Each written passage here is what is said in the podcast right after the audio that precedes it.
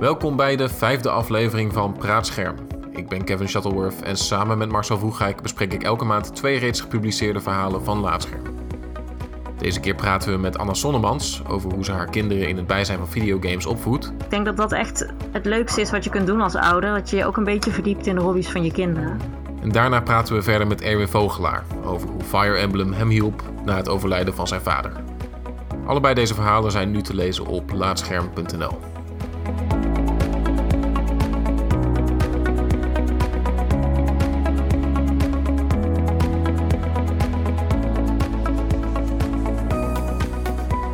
Allereerst welkom Anne. Dank je, hoi. Hey, jij hebt een uh, prachtig artikel geschreven uh, dat gaat over eigenlijk de impact of de mogelijke impact van uh, de games die jij speelt op jouw jonge kinderen.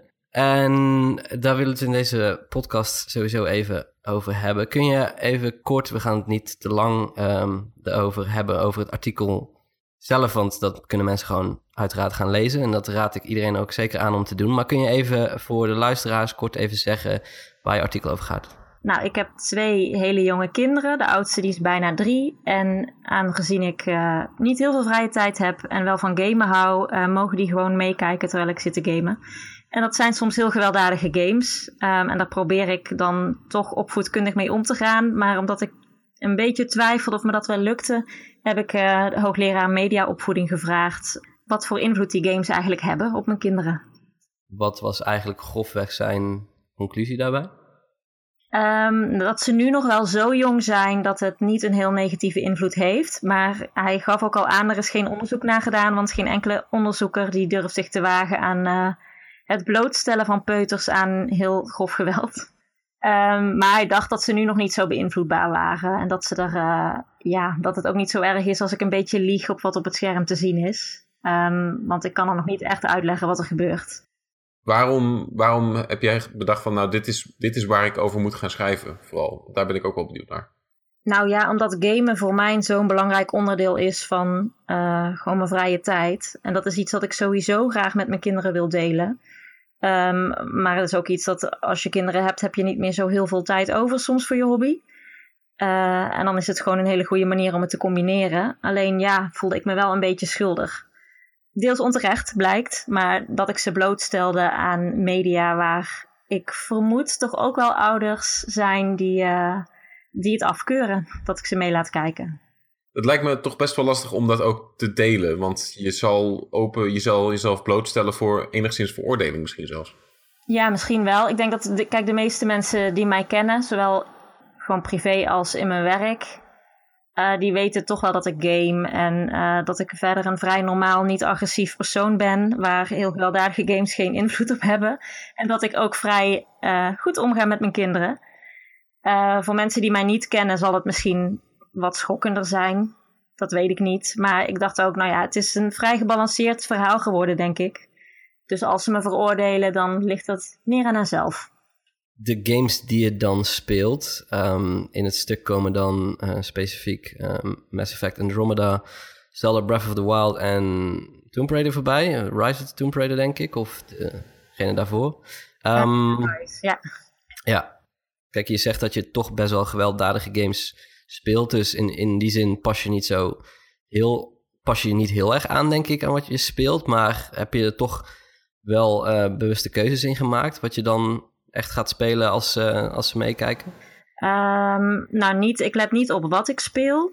Uh, maar ik let wel op bepaalde scènes. Dat als, uh, nou ja, in Tomb Raider, als er een scène is waarin je echt heel veel mensen achter elkaar moet omleggen. En dan weet ik van mezelf dat ik daar toch ook wel een beetje opgronden van raak. En headshot en zo ga roepen. Dan laat ik de kinderen niet meekijken.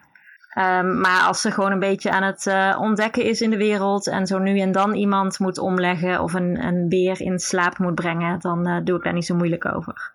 Ik weet niet of je het nog herinnert, maar hoe ging dat bij jou zelf vroeger? Kijk, toen waren het natuurlijk andere games, maar uh, ik, ik, weet niet op hoe vroege leeftijd je begonnen bent met gamen. Maar heb je toen iets, toen je zelf nog kind was, op, een, op eenzelfde manier iets meegemaakt? Um, nee, nou, ik was vrij vroeg toen ik ging gamen. En een van de eerste games die ik echt heel bewust heb meegekregen is Larry, uh, Leisure Suit Larry. En toen was ik acht, maar toen kon ik niet zo goed Engels. Ehm, dus ik vond het allemaal gewoon grappig. Zo'n mannetje dat dan rondliep in de wereld. En dan op een gegeven moment in een trouwkapelletje ging uh, trouwen. En dat vond ik dan heel leuk. En dat, uh, ja, dat het eigenlijk over wat anders ging, had ik niet zo goed door. Een aantal jaar later was dat hetzelfde eigenlijk met Duke Nukem. Dat speelde ik dan samen met mijn broers. Ja, en dan vond ik het heel leuk dat ik meisjes met de spatieknop geld kon aanbieden. En dat ze dan een BH uitdeden. Um, maar ik heb dat nooit echt ja, uh, gezien als iets verkeerds of zo. Ik ben daar zelf ook niet uh, van, dan wel van gaan strippen, dan wel naar stripclubs gegaan. Dus ach. Het valt allemaal wel mee, uiteindelijk. Nou ja, ik had allemaal wel door dat het niet echt was. Ja. En dat het een spelletje was, ja. Wat vonden je ouders daarvan? Die dachten gewoon, oh leuk, ze is met haar broers aan het spelen. Schattig. nooit, een, nooit een situatie geweest waarin je ouders zoiets hadden van... Oké, okay, nou, weet je, deze game we zien dit nu, is, is niet oké. Okay. Kun je beter buiten gaan spelen of zo? Want ik heb persoonlijk heel vaak gehad van. Ik gewoon uren achter elkaar zat te gamen. Een of andere obscure PlayStation game die mijn, mijn achteroom voor me had gebrand voor een tientje. Iedereen had een oom die spellen voor hem brandde vroeger. Ja. en dan zat ik weer heel lang achter de PlayStation. En dan. Waarom Ga toch even buiten spelen, dat is goed voor je, is gezond. Begrijp ik nu ook wel, beweging, et cetera, is goed voor me, gezond. Maar ik weet niet hoe ik nu zou moeten reageren op mijn kind, als in mijn hypothetische kind, uh, als, als die heel veel uren achter elkaar zou zitten gamen of weet ik wat. Ik zou niet precies weten hoe ik daar zelf mee zou moeten omgaan. Of ik dat met, um, met, met een parental control systeem moet zeggen, nou twee uur per dag is de max of weet ik veel wat. Want ik weet dat ik het zelf ook heel vervelend zou vinden, maar is het niet het betere ding om te doen? En dan krijg je allemaal van die vraagpunten, omdat het voor, misschien voor jouzelf en voor, mij en voor Marcel ook dat het gewoon trickier was in onze jeugd dan kinderen het misschien nu hebben. Maar dan is bij, ligt bij ons de vraag en de verantwoordelijkheid van hoe moeilijk gaan we het voor ze maken of hoe vrij laten we ze daarin. Ja, god, gelukkig hebben ze die leeftijd nog niet. En mijn dochter vindt het, uh, nou de jongste die kan alleen nog maar liggen. En de oudste, mijn dochter, ja, die vindt het, vindt het ook ontzettend leuk om buiten te spelen. Dus dat probleem heb ik niet zo. Um, ik denk als ze wat ouder wordt, ik vind parental control vind ik een beetje vervelend zelf. Uh, en zou ook een beetje hypocriet zijn, aangezien ik zelf ook, uh, als ik de tijd heb, uren achter elkaar kan gaan zitten gamen. Maar ik denk dat je gewoon moet stimuleren dat ze niet alleen gamen leuk vinden, maar ook andere dingen. Ook afspreken met, uh, met vriendjes of buiten spelen of een boekje lezen, dat soort dingen. Tegenwoordig is dat misschien ook wel anders. Hè? Dan kunnen ze gewoon buiten gaan zitten met een iPad of een Switch. Ja, dat kan ook. Ja, zijn, zijn ze wel buiten. Ja, dat is waar. Echt wel buitenlucht. Kijk, het is natuurlijk ook wel zo dat games... Um, best wel game, veel games hebben tegenwoordig natuurlijk... Uh, ook mobiele games en zo hebben een multiplayer component. Waarbij je ook zoiets hebt van ja, in die zin... Kijk, vroeger was het zo, inderdaad wat Kevin zei... Dat, dat je ouders dan tegen je zeggen, ga toch eens buiten spelen. Uh, om ja, ook sociaal contact met andere mensen te hebben. Alleen tegenwoordig loopt dat natuurlijk steeds meer in elkaar over. Want als jij een game speelt, kan het ook heel goed zijn dat je daar via die game gewoon sociaal contact beleeft. Dus dat lijkt me ook wel een, eh, een lastige om daar, uh, ja, daarin te zeggen van ja, oké, maar het kan ook helemaal een prima manier zijn om, uh, om zo aan je sociale interacties te komen door gewoon games te gaan spelen. Um, ja, en ik denk dat dat ook helpt. Stel dat, dat kinderen een beetje socially awkward zijn. Um, en verlegen, dan denk ik dat een gamen best wel kan helpen daarbij. Ja, ik hoop dat mijn kinderen het toch ook wel gewoon leuk vinden om mensen in het echt te ontmoeten. Wat, wat ik wel nog uh, vond, dat in je stuk staat op een gegeven moment dat kinderen inderdaad vooral reageren op um, eigenlijk je gemoedstoestand tijdens het gamen. Als ze inderdaad zien dat je blij bent, uh, dat ze dat dan overnemen. En ik denk dat dat ook wel als je kinderen ziet gamen, ook een best wel een goede indicatie kan zijn van uh, wat een spel met iemand doet. Kijk, je kunt natuurlijk kijken naar de beelden die je op het scherm ziet. En als je dan een, een, um, een kind van acht uh, GTA ziet spelen en mensen ziet overrijden of wat dan ook, dan ja, kan ik me best heel goed voorstellen dat je dan als ouder denkt: uh, oké, dit, ziet ja, dit klinkt niet helemaal gezond voor iemand op zo'n jonge leeftijd. Dat ik denk dat de reactie van iemand uh, die, die de reactie die iemand daarbij heeft eigenlijk een veel betere indicatie is van wat het met iemand doet. Omdat als inderdaad, als je ziet dat er gelijk heel veel, ja, toch een beetje ja, frustratie ook naar boven komt of uh, woede of iets dergelijks. Dat lijkt me een veel grotere reden om je zorgen te gaan maken. Terwijl als iemand gewoon, ja, gewoon blij, luchtig zo'n spel aan het, game, uh, aan het spelen is. Ja, ik, ik, denk niet dat dat dan gewoon uiteindelijk, ja, wat je zegt, uh, kinderen kunnen uiteindelijk toch wel onderscheid maken tussen wat, wat echt is en wat niet. Ja, ja, dat kunnen ze nog niet op een hele jonge leeftijd. Tenminste, dat is wat die hoogleraar Peter Nikke zei. Maar ik denk als ze inderdaad wat ouder zijn, dat ze dat prima kunnen. En dat ze, ja, um, vooral het gedrag van anderen kopiëren. Uh, wat jij zegt. Nou ja, uh, wat ik bijvoorbeeld wel weet, is dat we spelen ook wel eens Mario Kart 8 op de Switch. Maar dat moeten we bijvoorbeeld echt niet doen waar de kinderen bij zijn. Want als ik ergens agressief van word, is het van dat spel. same, same. Ik ook. Ja, ja, ja, nou ja, dat pikt ze veel sneller op um, als ik dan begin te vloeken. Dan als ik gewoon heel kalm ja, een, een stelletje aliens overhoop ziet. Ja. ja, als ik Mario Kart speel, dan is het inderdaad wel dat ik denk van... oh, dus er zit toch wel een heleboel agressie in mij... waarvan, ik, waarvan ik niet wist dat ik, die, dat ik die in me had, zeg maar. Die komt er dan op een ja. of andere manier toch weer uit. Ja, dat heb ik ook. Ik kan daar menig mensen mee verbazen met um, wat ik Baby Peach toewens. Ja. ja, absoluut hetzelfde hoor. Ik kan ontzettend agressief worden van Mario Kart. Maar goed, mijn vriendin ook. Dus we hebben allemaal een duistere zijde wat het Mario Kart betreft. Heb jij zelf nog advies dat je mee zou geven aan uh, ouders die net ouder zijn geworden die dezelfde hobby delen? Poeh, nou ja, um, let goed op hoe je kind reageert. En als het inderdaad uh, gaat slaan, omdat dat, dat ook in een game ziet gebeuren, dan nou ja, uitleggen dat dat niet netjes is. Eigenlijk wat je als ouder sowieso wil meegeven. En, je, en dat is soms heel moeilijk, maar je niet al te veel laten meeslepen door de game zelf. Niet met de controller naar het scherm gooien of uh, boos worden. Of, ik denk dat kinderen daar echt het meest van schrikken. En verder, ja, gewoon lekker doen. Ik bedoel, als het jouw hobby is, dan wil je stiekem ook dat je kinderen het ook leuk gaan vinden. Ik hoop althans wel dat ze een gamer wordt. Maar ja, maak het dan zo leuk mogelijk voor haar. Heb je nou ook dat je... Kijk, bij games laat je er gewoon meekijken. Um, hoe, hoe is dat met... Um films en series bijvoorbeeld? Uh, daar laten we er ook meekijken. Maar kijk bijvoorbeeld Star Wars, die voor zolang ze dat volhoudt, want het zijn lange films, maar die vindt ze dan nog best wel leuk. Maar ja, als er een heel gewelddadige scène in een film of serie zit, dan, uh, dan zetten we hem toch even uit. Maar dan geeft ze zelf ook aan dat ze het, dat ze het spannend vindt. En dan gaat ze een beetje mopperen daarover. wel fijn dat ze het gewoon aangeeft. Ja, klinkt handig. Ja. Goed geregeld. Ja, heel handig. Dan zegt ze gewoon, dit vind ik spannend. Dit is eng. Nee, mama. Nou ja, dan is het ook duidelijk. Oké. Okay.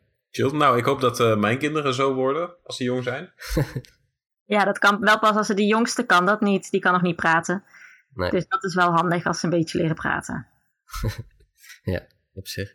En het omgekeerde. Stel nou, je, je spreekt eens een keer een ouder die uh, zelf niet bekend is met videogames, maar waarvan de kinderen wel bekend zijn met videogames op jonge leeftijd. Wat, wat zou jij aan een ouder meegeven waar die op zou moeten letten? Ja, om toch vooral mee te kijken als het kind gamet. Uh, om zowel te kijken hoe het kind zelf reageert, maar ook dat je gewoon weet wat er aan de hand is. En uh, nou ja, vooral ook inzichtelijk dat een kind er prima mee om kan gaan. En vanaf een bepaalde leeftijd door heeft dat het niet echt is. En als het heel jong is, daar ook niet per se heel negatieve emoties bij hoeft te ervaren. En vooral zelf meegamen. Ik denk dat dat echt het leukste is wat je kunt doen als ouder. Dat je je ook een beetje verdiept in de hobby's van je kinderen.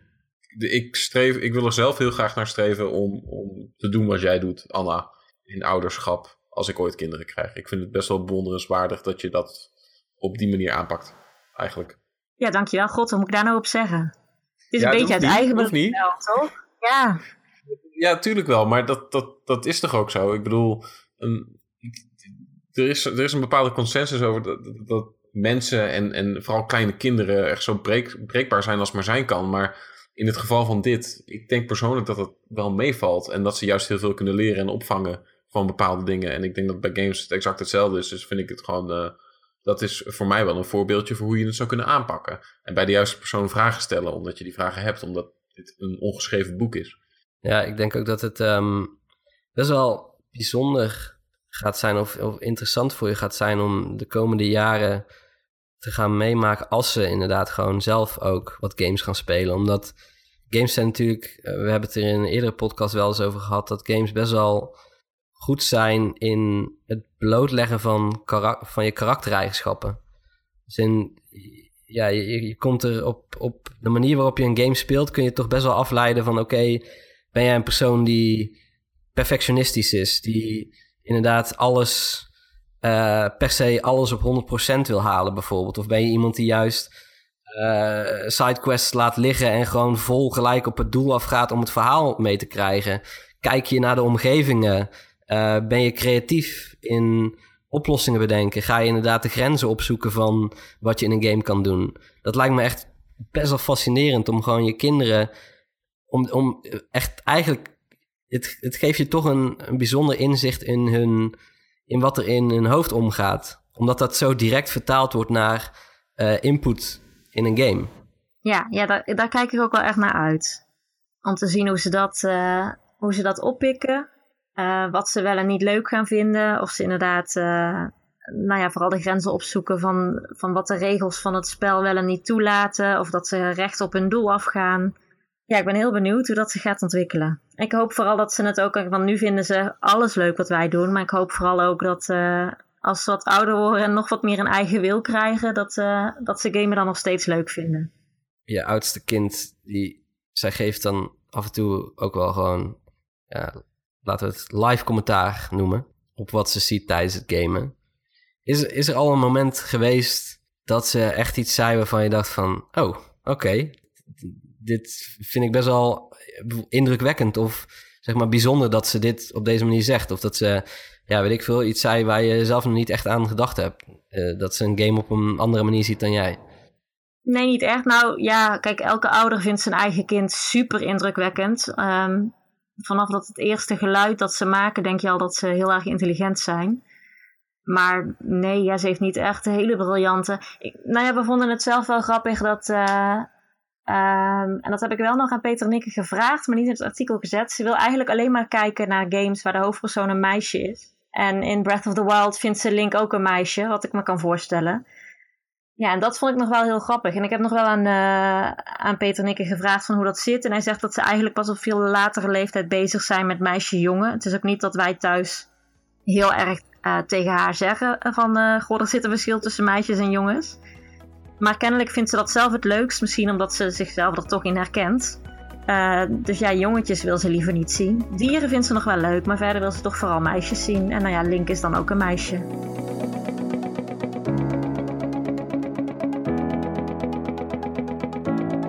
Na een korte onderbreking spreken we Erwin Vogelaar over hoe hij in een moeilijke periode van zijn leven games als zelfzorg gebruikte. Tot zo.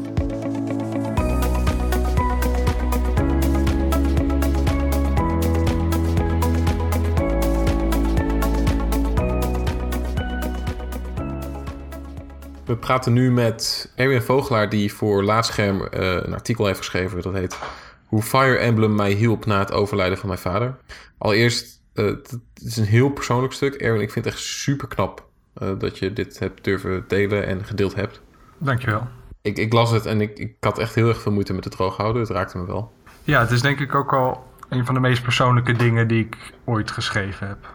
Ja, dat is wel indrukwekkend. We raden ook iedereen aan om het eerst even te gaan lezen trouwens, voordat je verder luistert. Want anders, um, nou ja, laat ik zo zeggen, dit wil je wel eerst eventjes uh, lezen voordat, voordat of, of luisteren, ingesproken door Jarl Boom, voordat we er verder over praten.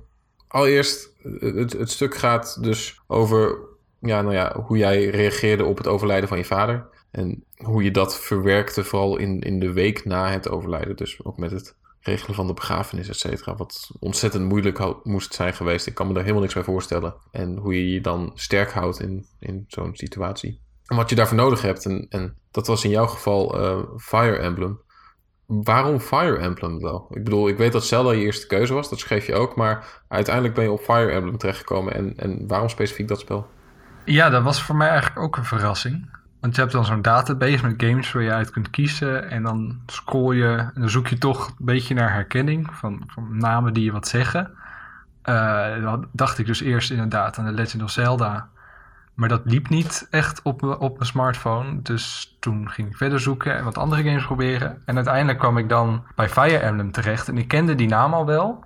Ik had nooit één gespeeld. Maar ik vind uh, strategische of tactische games...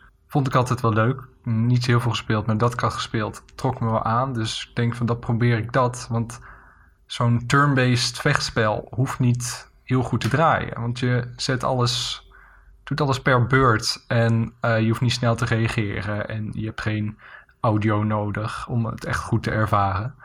Dus gewoon puur uit de beperkingen die ik had, kwam de keuze op Fire Emblem te liggen.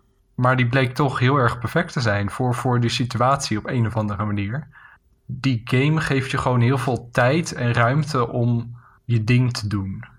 Uh, je vecht eigenlijk met een, met een klein leger tegen een ander leger op een strijdveld. En je mag elk personage of elk strijder in, in, in, die, in je leger mag je los opdrachten geven. Dus je tikt er eentje aan, je doet de opdracht, de personage doet, volgt die opdracht en je gaat naar de volgende. Dat is heel traag, maar omdat je op die manier bezig bent met die personages, ben je eigenlijk een soort van het strijdveld aan het vormen en uh, een goede lijn aan het geven en aan het structureren. En dat hielp mij zeg maar om mijn eigen hoofd ook een beetje gestructureerd te houden of zo. Omdat, omdat je, je hoofd gaat niet helemaal wild in die tijd, maar die, die kan zich op iets focussen, op zo'n strijd, telkens weer een nieuw, nieuw soort strijd, nieuw level, nieuwe strijd. En ja, dat, dat, dat heeft op een of andere manier best geholpen. Wat ik me nog daarbij afvroeg is, uh, kijk, uh, mensen gamen om uh, tal van redenen, maar de voornaamste is toch nog wel, denk ik, gewoon voor, voor hun plezier. Ja. Maar ja, in dit geval was het natuurlijk een, een totaal andere reden. reden. Hoe um, kwam je er uiteindelijk op om toch in die tijd naar games te grijpen? Ja, nee, games is natuurlijk gewoon al heel lang een, een groot hobby geweest. Altijd iets uh, wat ik graag doe, wat ik graag speel. En omdat je in zo'n periode toch... Het allemaal heel vreemd en heel... Niks klopt en alles is staat niet op zijn plek en alles, de hele structuur is weg en je bent, je woont ook even op een andere plek en je dag, alles wordt anders georganiseerd. En ik denk dat ik toch een soort iets van vertrouwds wilde hebben in die tijd of zo, waar ik, waar ik mij prettig bij voelde, wat ik herkende uit mijn dagelijks leven en wat ik dat moment even kon vastgrijpen om uh, me toch wat beter te voelen bij zo'n situatie, iedereen reageert er op zijn eigen manier op. En dat is ook vaak juist uh, zulke momenten zijn ook de momenten waarop je echt heel duidelijk ziet hoe, wat de persoonlijkheid van mensen is, hoe, hoe mensen reageren, hoe ze met verdriet omgaan. Was er in jouw directe omgeving toen uh, ja, begrip dan wel onbegrip voor dat je ja, aan de gamer was? Misschien een rare vraag hoor, ik, ik weet het niet. Nee, nee, ik snap, ik snap het wel. Het is natuurlijk wel vreemd dat in zo'n periode dat dan bijvoorbeeld dat mijn moeder me zag met zo'n spelletje in de keuken terwijl ik aan het eten was of zo. En dat ik daarmee bezig was, waar, waarom ik daar überhaupt mee bezig wilde zijn. En daar hebben we het ook niet over gehad. We zijn niet echt, qua gezin ook niet mensen die heel veel dingen bespreken of zo. Qua gevoelens ook niet, qua, qua ja, hoe, hoe, wij, hoe wij zijn pas na afloop dacht ik ook wel van ja, dit was misschien ook best wel ongemakkelijk. Want ik was natuurlijk, ik woonde die week bij mijn moeder om ook haar te ondersteunen. En dan gaat hij daar een spelletje spelen terwijl zij met allemaal andere dingen bezig is. Maar ja, iedereen is natuurlijk verwerkt op een eigen manier. En dat was mijn manier. Maar ik, ik heb dat niet kunnen communiceren of zo naar haar. Dus ik weet, ik weet ook niet hoe zij. Ik denk ook niet dat ze er nu nog aan denkt of zo, dat ze dat ook niet meer weet. Maar ik kan me wel voorstellen dat op zo'n moment dat dat even raar is, ja. We nemen dit nu op om even de vierde muur te breken, net een dag voordat dit, voordat dit item gepubliceerd wordt. Ben je daar huiverig over? Denk je dat mensen. Hmm, hoop je dat mensen bepaalde reacties hebben erop? Vind het wel lastig om dit ook met familie te delen of zo. Het is heel persoonlijk. Het gaat ook over familie. En zo'n artikel, het is wel kans ook dat familie het leest. Dat vind ik denk ik het spannendst. Dat, omdat wij niet zoveel qua gevoelens delen met elkaar. En dat ze dan zo'n heel persoonlijke kant van een periode waar we allemaal, nou, dat we allemaal zwaar vonden, waar we allemaal, die we ook goed kennen. En dat ik dan zoiets blootgeef aan mezelf en dan via een artikel, terwijl dat niet met elkaar besproken hebben of zo. Ja, nou, dat vind ik wel spannend. Ehm, wat ik voor de rest ervan hoop, ja, dat weet ik niet zo goed. Ik, ik hoop dat misschien uh, mensen herkenning zien en mensen misschien zich niet schamen om uh, misschien in een eigen periode ook eens naar een game te grijpen in plaats van dat het niet moet kunnen, maar dat als je aan jezelf wilt denken, als dat jouw manier is om even met jezelf bezig te zijn, omdat je dat nodig hebt, dan moet je daar niet voor schamen. En dat je ook minder snel uh, misschien mensen oordeelt die uh, games spelen om op een eigen manier dingen te verwerken. Ook al zie je iemand bijvoorbeeld een heel stom uh, match 3 spelletje spelen, daar wordt heel vaak over gezeurd. maar je weet niet waarom die persoon dat doet. Misschien vindt hij dat gewoon heel fijn om even, even zijn dagelijkse beslommeringen kwijt te raken of iets anders niet aan te denken. Gewoon even die diamantjes schuiven of die snoepjes snuiven, schuiven. Dat kan voor iemand best wel veel betekenen. Dus het, het, het, artikel was vooral voor mezelf ook om dit een keer verteld te hebben of zo. Ik, ik dacht al heel lang erover na en uh, ben ook al langer bezig met het onderwerp van wat, wat doen games met ons. Nou, dat verhaal wilde ik een keer verteld hebben of een keer opgeschreven hebben. Je, je, je hebt natuurlijk toen heel veel Fire Emblem gespeeld, maar ben je dan ook sinds, sinds die tijd meer van dat soort spellen, of spellen die hetzelfde opwekken in ieder geval, gaan spelen als je in een chaotische periode zat bijvoorbeeld? Nee, ik ben wel meer Fire Emblem gaan spelen, omdat ik ook merkte dat het heel hele fijne games zijn. Maar ik heb niet specifiek dat genre, zeg maar, dat ik daar heen ga als ik, als ik om even aan mezelf te denken, om, het zomaar te noemen. Uh, dat kan van alles zijn. Ik heb bijvoorbeeld, het is ook niet een middel dat ik heel vaak gebruik, maar soms merk van, oh, dit, dit werkt gewoon nu heel fijn voor mij. Dat, dat kan verschillende games zijn. Dat kan bijvoorbeeld ik heb even naar mijn games inderdaad gekeken om terug te denken van welke game heeft me op een bepaald moment uh, die, die, die, die rust gebracht op dat is bijvoorbeeld eh, Shadow of the Colossus, dus een van mijn favoriete games ooit, die ik dan meerdere keren gespeeld heb. En dan is de, als je die weer gaat spelen, is het een soort van thuiskomen of zo. Het is een heel, heel prettige wereld om te zijn en om, om die game weer door te spelen. Dat, dat geeft een heel ja, rustgevende, prettig gevoel of zo. En ik noem het in het artikel noem ik de hele stomme game Magikarp Jump. Waar je een vis moet trainen om hoog te springen. En dat doe je alleen door op voedsel te drukken. En dan eet hij het op. En dan ga je naar de trainingsbaan en dan druk je op trainen. En dan traint hij. En dan ga je naar een wedstrijdje en dan zeg je springen en dan springt hij. Dat is alles. Dat hoef je niet te doen. Maar het is toch een spelletje dat je altijd even kan oppakken. Waar je ook bent. En gewoon even, even met die vis bezig zijn. En dan, uh, dan weer door met je leven of zo. Dus het kan van alles zijn. Uh, ik, ik, ik, ik, ik heb tinnitus, hè? dus dat betekent dat ik altijd zo'n piep hoor in mijn oren. Ja. En, en die vertelt mij dat. Ik, heb, ik bedoel, het heeft even gekost voordat ik dat kon accepteren van mezelf. Dat, dat is heel irritant, want het gaat nooit weg en dat, dat zal ook niet genezen wat ik dan merk is dat zodra ik heel gestrest raak bijvoorbeeld, of het is een hele turbulente periode, dan hoor ik dat veel luider. Dus het is voor mij een soort van stressmeter geworden. Dus wat ik nu doe is, als ik dat hoor en het zit me echt dwars, dan pak ik mijn telefoon en dan ga ik mediteren. Of dan, uh, dan, dan zet ik een specifieke game aan waarvan ik weet dat ik dat, dat ik dat als rustgevend ervaar. Dus dan ga ik geen Overwatch spelen of zo, want het kan heel hectisch zijn. Het kan ook heel frustrerend en stressvol zijn. Maar in dit geval, de laatste tijd, als ik, als ik gestrest ben, dan wil ik heel graag of Zelda of Persona 5 spelen, een van de twee.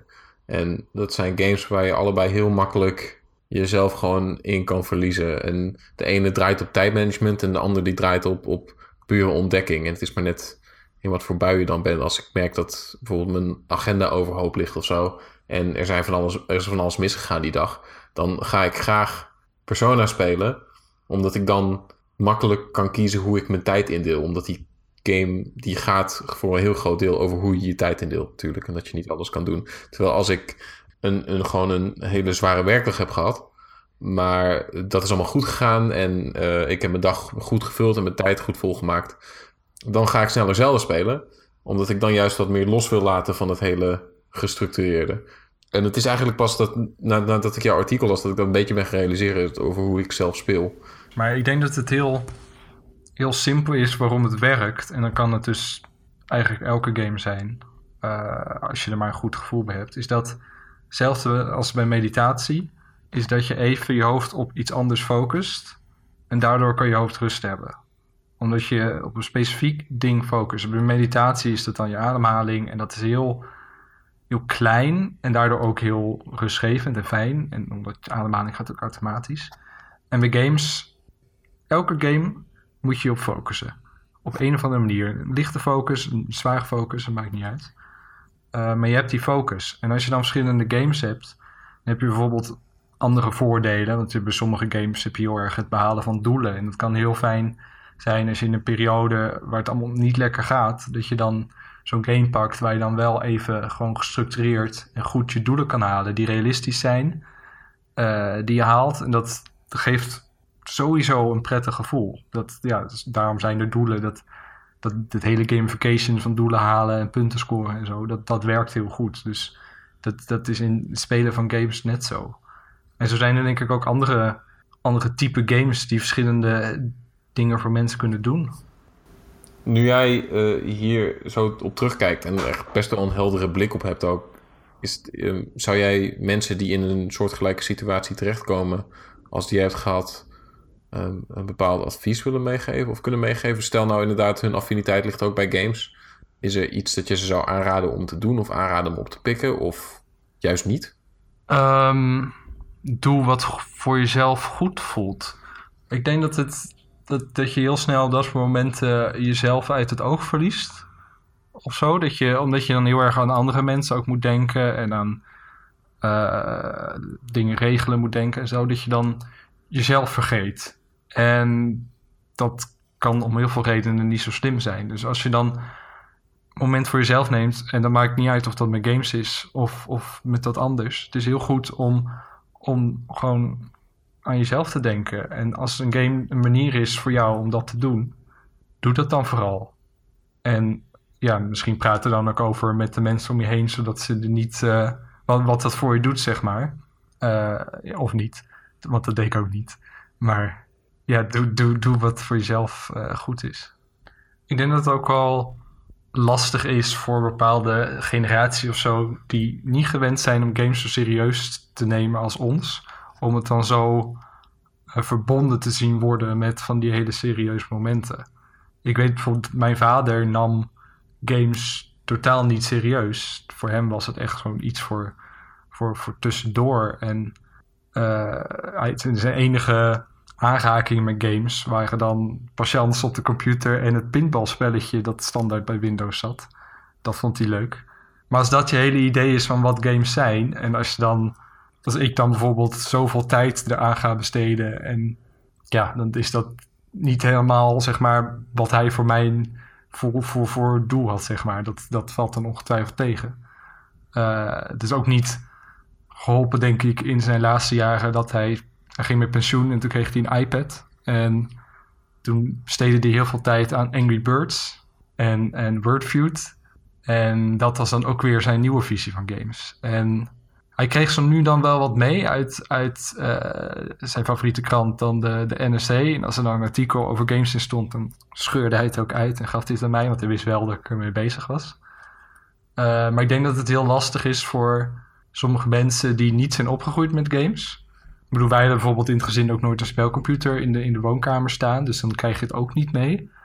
Uh, om dan die schakeling te maken van niet alleen wat games als medium kan zijn, wat het, hoe het gegroeid is, maar ook hoe het persoonlijk dingen met mensen doet. Je zei net in ieder geval even tussendoor dat uh, je dacht dat omdat hij games als iets vluchtigs zag, dat hij misschien een beetje ja, je gebruikt het woord teleurgesteld, maar ik weet niet wat ik probeer te vragen. Sorry. Want ik wil niet vragen of hij teleurgesteld in je was, want dat, dat, dat zal echt niet het geval zijn geweest volgens mij. Maar ja, dat durf ik ook niet over te oordelen. Dus, uh. Mag ik wel gewoon antwoorden? ja, je mag, tuurlijk. Ja, het is, het is wel lastig, want mijn vader was niet iemand die, um, die zei wat ik wel of niet moest doen. Dus eh, als ik iets wilde studeren, dan was hij niet iemand die zei van nee, dat doe je niet, want je moet dat en dat worden. Maar ja, een concreet dingetje wat ik dan eh, later hoorde, uh, dus na zijn overlijden dan, ik heb eerst HBO gestudeerd aan de universiteit. En ik begreep later dat hij dacht dat ik de universiteit niet zou halen qua niveau. Daar is hij later op teruggekomen toen het wel allemaal goed ging, zeg maar. Maar daar, voor mijn gevoel sprak er wel een beetje uit van... omdat ik veel tijd met games doorbracht... en dat het zoveel van mijn tijd... Ik, bijvoorbeeld bij journalistiek heb ik gestudeerd... Heb ik, ben ik ook eerst ingestapt, zeg maar, van... oh, ik ga alles over games schrijven. Later is dat minder geworden. Ehm, maar ik denk dat dat wel meespeelt. Dat je toch, omdat je zo met games bezig bent, heb je niet je prioriteit op orde of zo. Dan ben je niet iemand die, die op, op een bepaald niveau kan, kan studeren of werken om, om uh, ver te komen. Of zo. Ja, ik weet het ook niet. Het is heel lastig om te zeggen, omdat we gewoon, gewoon ook nooit over spraken. En dat, dat is heel jammer, maar er is ook niks aan te doen. Ik snap, wel, snap misschien wel een soort van hoe dat is. Ik heb ook een heel erg laconieke familie. Er wordt ook altijd best wel moeilijk over gepraat. Ja, ik ga het gewoon zeggen. Mijn moeder heeft MS, bijvoorbeeld, om iets te noemen. En dat is ook iets wat vrij lastig is om over te praten publiekelijk. Dus dat probeer ik dan weer aan te sporen, et cetera. Maar dat vind ik zelf ook moeilijk, omdat we in ons gezinnetje zijn opgegroeid... waar inderdaad niet vaak heel erg persoonlijk wordt gesproken. Dat gebeurt dus recentelijk wat vaker. En dat vind ik gewoon een hele fijne ontwikkeling. Dan Weet je, het was wel hetzelfde dan vroeger. Dat als ik, ik, ik besteedde ook heel veel tijd aan spelletjes. En ik was, ik kon absoluut niet articuleren wat het me zo bijzonder voor mij maakte vroeger. Dus ik, ik was ook absoluut helemaal niet geletterd genoeg om op iets op papier te zetten. Wat betreft mijn uh, gevoelens ergens achter of ergens over. Dus ik, ik, ik, kon, ik kon bijvoorbeeld mijn stiefpaarden makkelijk bij, en zeggen: Oh, kijk, dit is zo tof, want zus en zo. Maar dan kwam het meestal niet verder van: Ja, het is hartstikke leuk en het heeft graphics. Uh, kijk hoe cool dat eruit ziet. Neem niet weg dat ik denk dat mijn ouders natuurlijk altijd in hebben geloofd. Maar ik begrijp wat je bedoelt als er een soort van een, een, een twijfelachtige hint is. Omdat jij veel bezig bent met iets dat niet direct wordt begrepen. Alleen dan is het toch wel grappig. En jij zei ook net dat jij een, een uh, stuk uit de NRC scheurde voor jou. Dat hij toch wel, ondanks dat het iets is dat hij minder goed begrijpt. Uh, of begreep dat, dat hij dan toch wel de moeite ervoor wil nemen om een band met jou te scheppen daarmee. Ja, nee, dus zo, zo interpreteer ik het ook zeker. Het is wel een, een manier, denk ik, voor hem, terwijl het misschien moeilijk vond om zijn gevoelens te uiten, om toch te laten zien dat hij, dat hij geeft om wat, mij, wat mijn passies zijn, zeg maar. Zo interpreteer ik het in ieder geval ook bij mijn, uh, bij mijn ouders. Als ze uh, iets zeggen gelezen te hebben over, over games of even wat. Meestal is het, uh, weet je, dan gaat het gesprek niet heel ver. Maar het feit dat ze erover beginnen tegen mij vind ik dan altijd al heel, heel leuk. Want dan proberen ze het wel. Ja. En dat is eigenlijk, meer dan dat kan ik ook niet echt van ze wensen, om eerlijk te zijn. Nee, het is natuurlijk ook, ja, wat, wat verwacht je nou eigenlijk? Wat, als, mijn vader is hele leven heel hard gewerkt. En dan snap ik ook heel goed dat, dat games dat je dat niet serieus neemt, omdat dat, ja, dat past niet bij hard werken en voor je gezin zorgen. En zeker als je gewoon helemaal niet meer bekend bent, dan weet je ook niet wat het kan zijn. Dus ik, ik vind het allemaal heel logisch ook. Ik weet nog goed dat uh, mijn moeder mij op een gegeven moment uh, iPhone games begon aan te raden. Dat, En op dat moment was zij daar meer van op de hoogte dan ik zelf. Dat vond ik al een mooi kantelpunt. Dat is wel heftig. Ja, terwijl ook uh, op, ik, ik studeerde um, uh, bedrijfseconomie. En op het eind van mijn studie zei ik op een gegeven moment in een, een, een, vrij uh, onstuimig gesprek met mijn vader dat ik ehm, ging stoppen met die studie. Ondanks dat ik hem zeg maar praktisch al had afgerond. Uh, om me zeg maar gewoon te volledig te gaan focussen op het schrijven over games. Dat viel niet uh, heel goed. Ik kreeg een hoop uh, twijfels en verwijten over me heen van dat dat een hele domme beslissing zou zijn en studieschuld en wat zou je dan doen en wat dan ook. En het is niet handig om die studie niet af te maken. Maar als ik, als ik terugkijk, dan durf ik wel te stellen dat mijn ouders mijn grootste fans zijn wat dat betreft. Mijn moeder leest volgens mij ieder artikel, iedere letter. Hij heeft het ook een hele tijd uitgeprint. Oh. In een soort van boekwerk. Ook uh, inderdaad gewoon als een artikel in uh, krant staat of wat dan ook. Of uh, dat ze me een sleutelhanger met Mario van Mario geven. Dat soort kleine dingen. Dat is zo ontzettend lief. Ja. Ik heb dat ook hoor nu met laadscherm. Twee stukken gepubliceerd. En als ik dan ehm, het niet direct deel met mijn ouders, maar dat ik wel gewoon out of the blue een berichtje krijg van mijn moeder dat ze het heel goed geschreven vindt of het een mooi verhaal vond of weet ik veel wat, dan is dat eigenlijk wel het beste complimentje dat ik kan krijgen. En niet alleen omdat ze het meent en het een goed stuk vindt of het leuk vindt om te lezen of weet ik wat, maar gewoon omdat ze wel de, de moeite ervoor neemt. Ja, dat is, dat is het beste ding. Dan kan ik nog zoveel complimentjes krijgen, maar de, die betekenen het, uh, het meest voor mij. Ik schrijf uh, wel eens over games voor in, in, een krant en een omroepblad die mijn moeder leest. En elke keer als ik op bezoek kom, dan ligt er een mapje klaar met uh, al die artikelen die ze netjes heeft uitgescheurd. dat, dat is ontzettend aandoenlijk. Dat is heel fijn. Ja.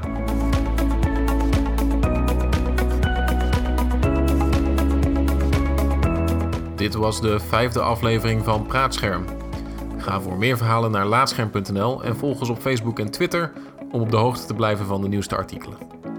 Abonneer je ook op Laatscherm voorgelezen om naar onze verhalen te luisteren in plaats van ze te lezen. Dat klinkt ongeveer zo. De beer respawnt na een tijdje. Mama, kijk, de beer is wakker. Oké, tot dusver was ik mijn handen in de onschuld. Wij vinden het natuurlijk hartstikke leuk om maandelijks deze podcast te maken, maar we horen ook graag wat jij ervan vindt. Heb jij feedback voor ons? Stuur een mailtje naar kevin.laatscherm.nl Namens de hele Laatschermredactie bedankt voor het luisteren en tot de volgende keer.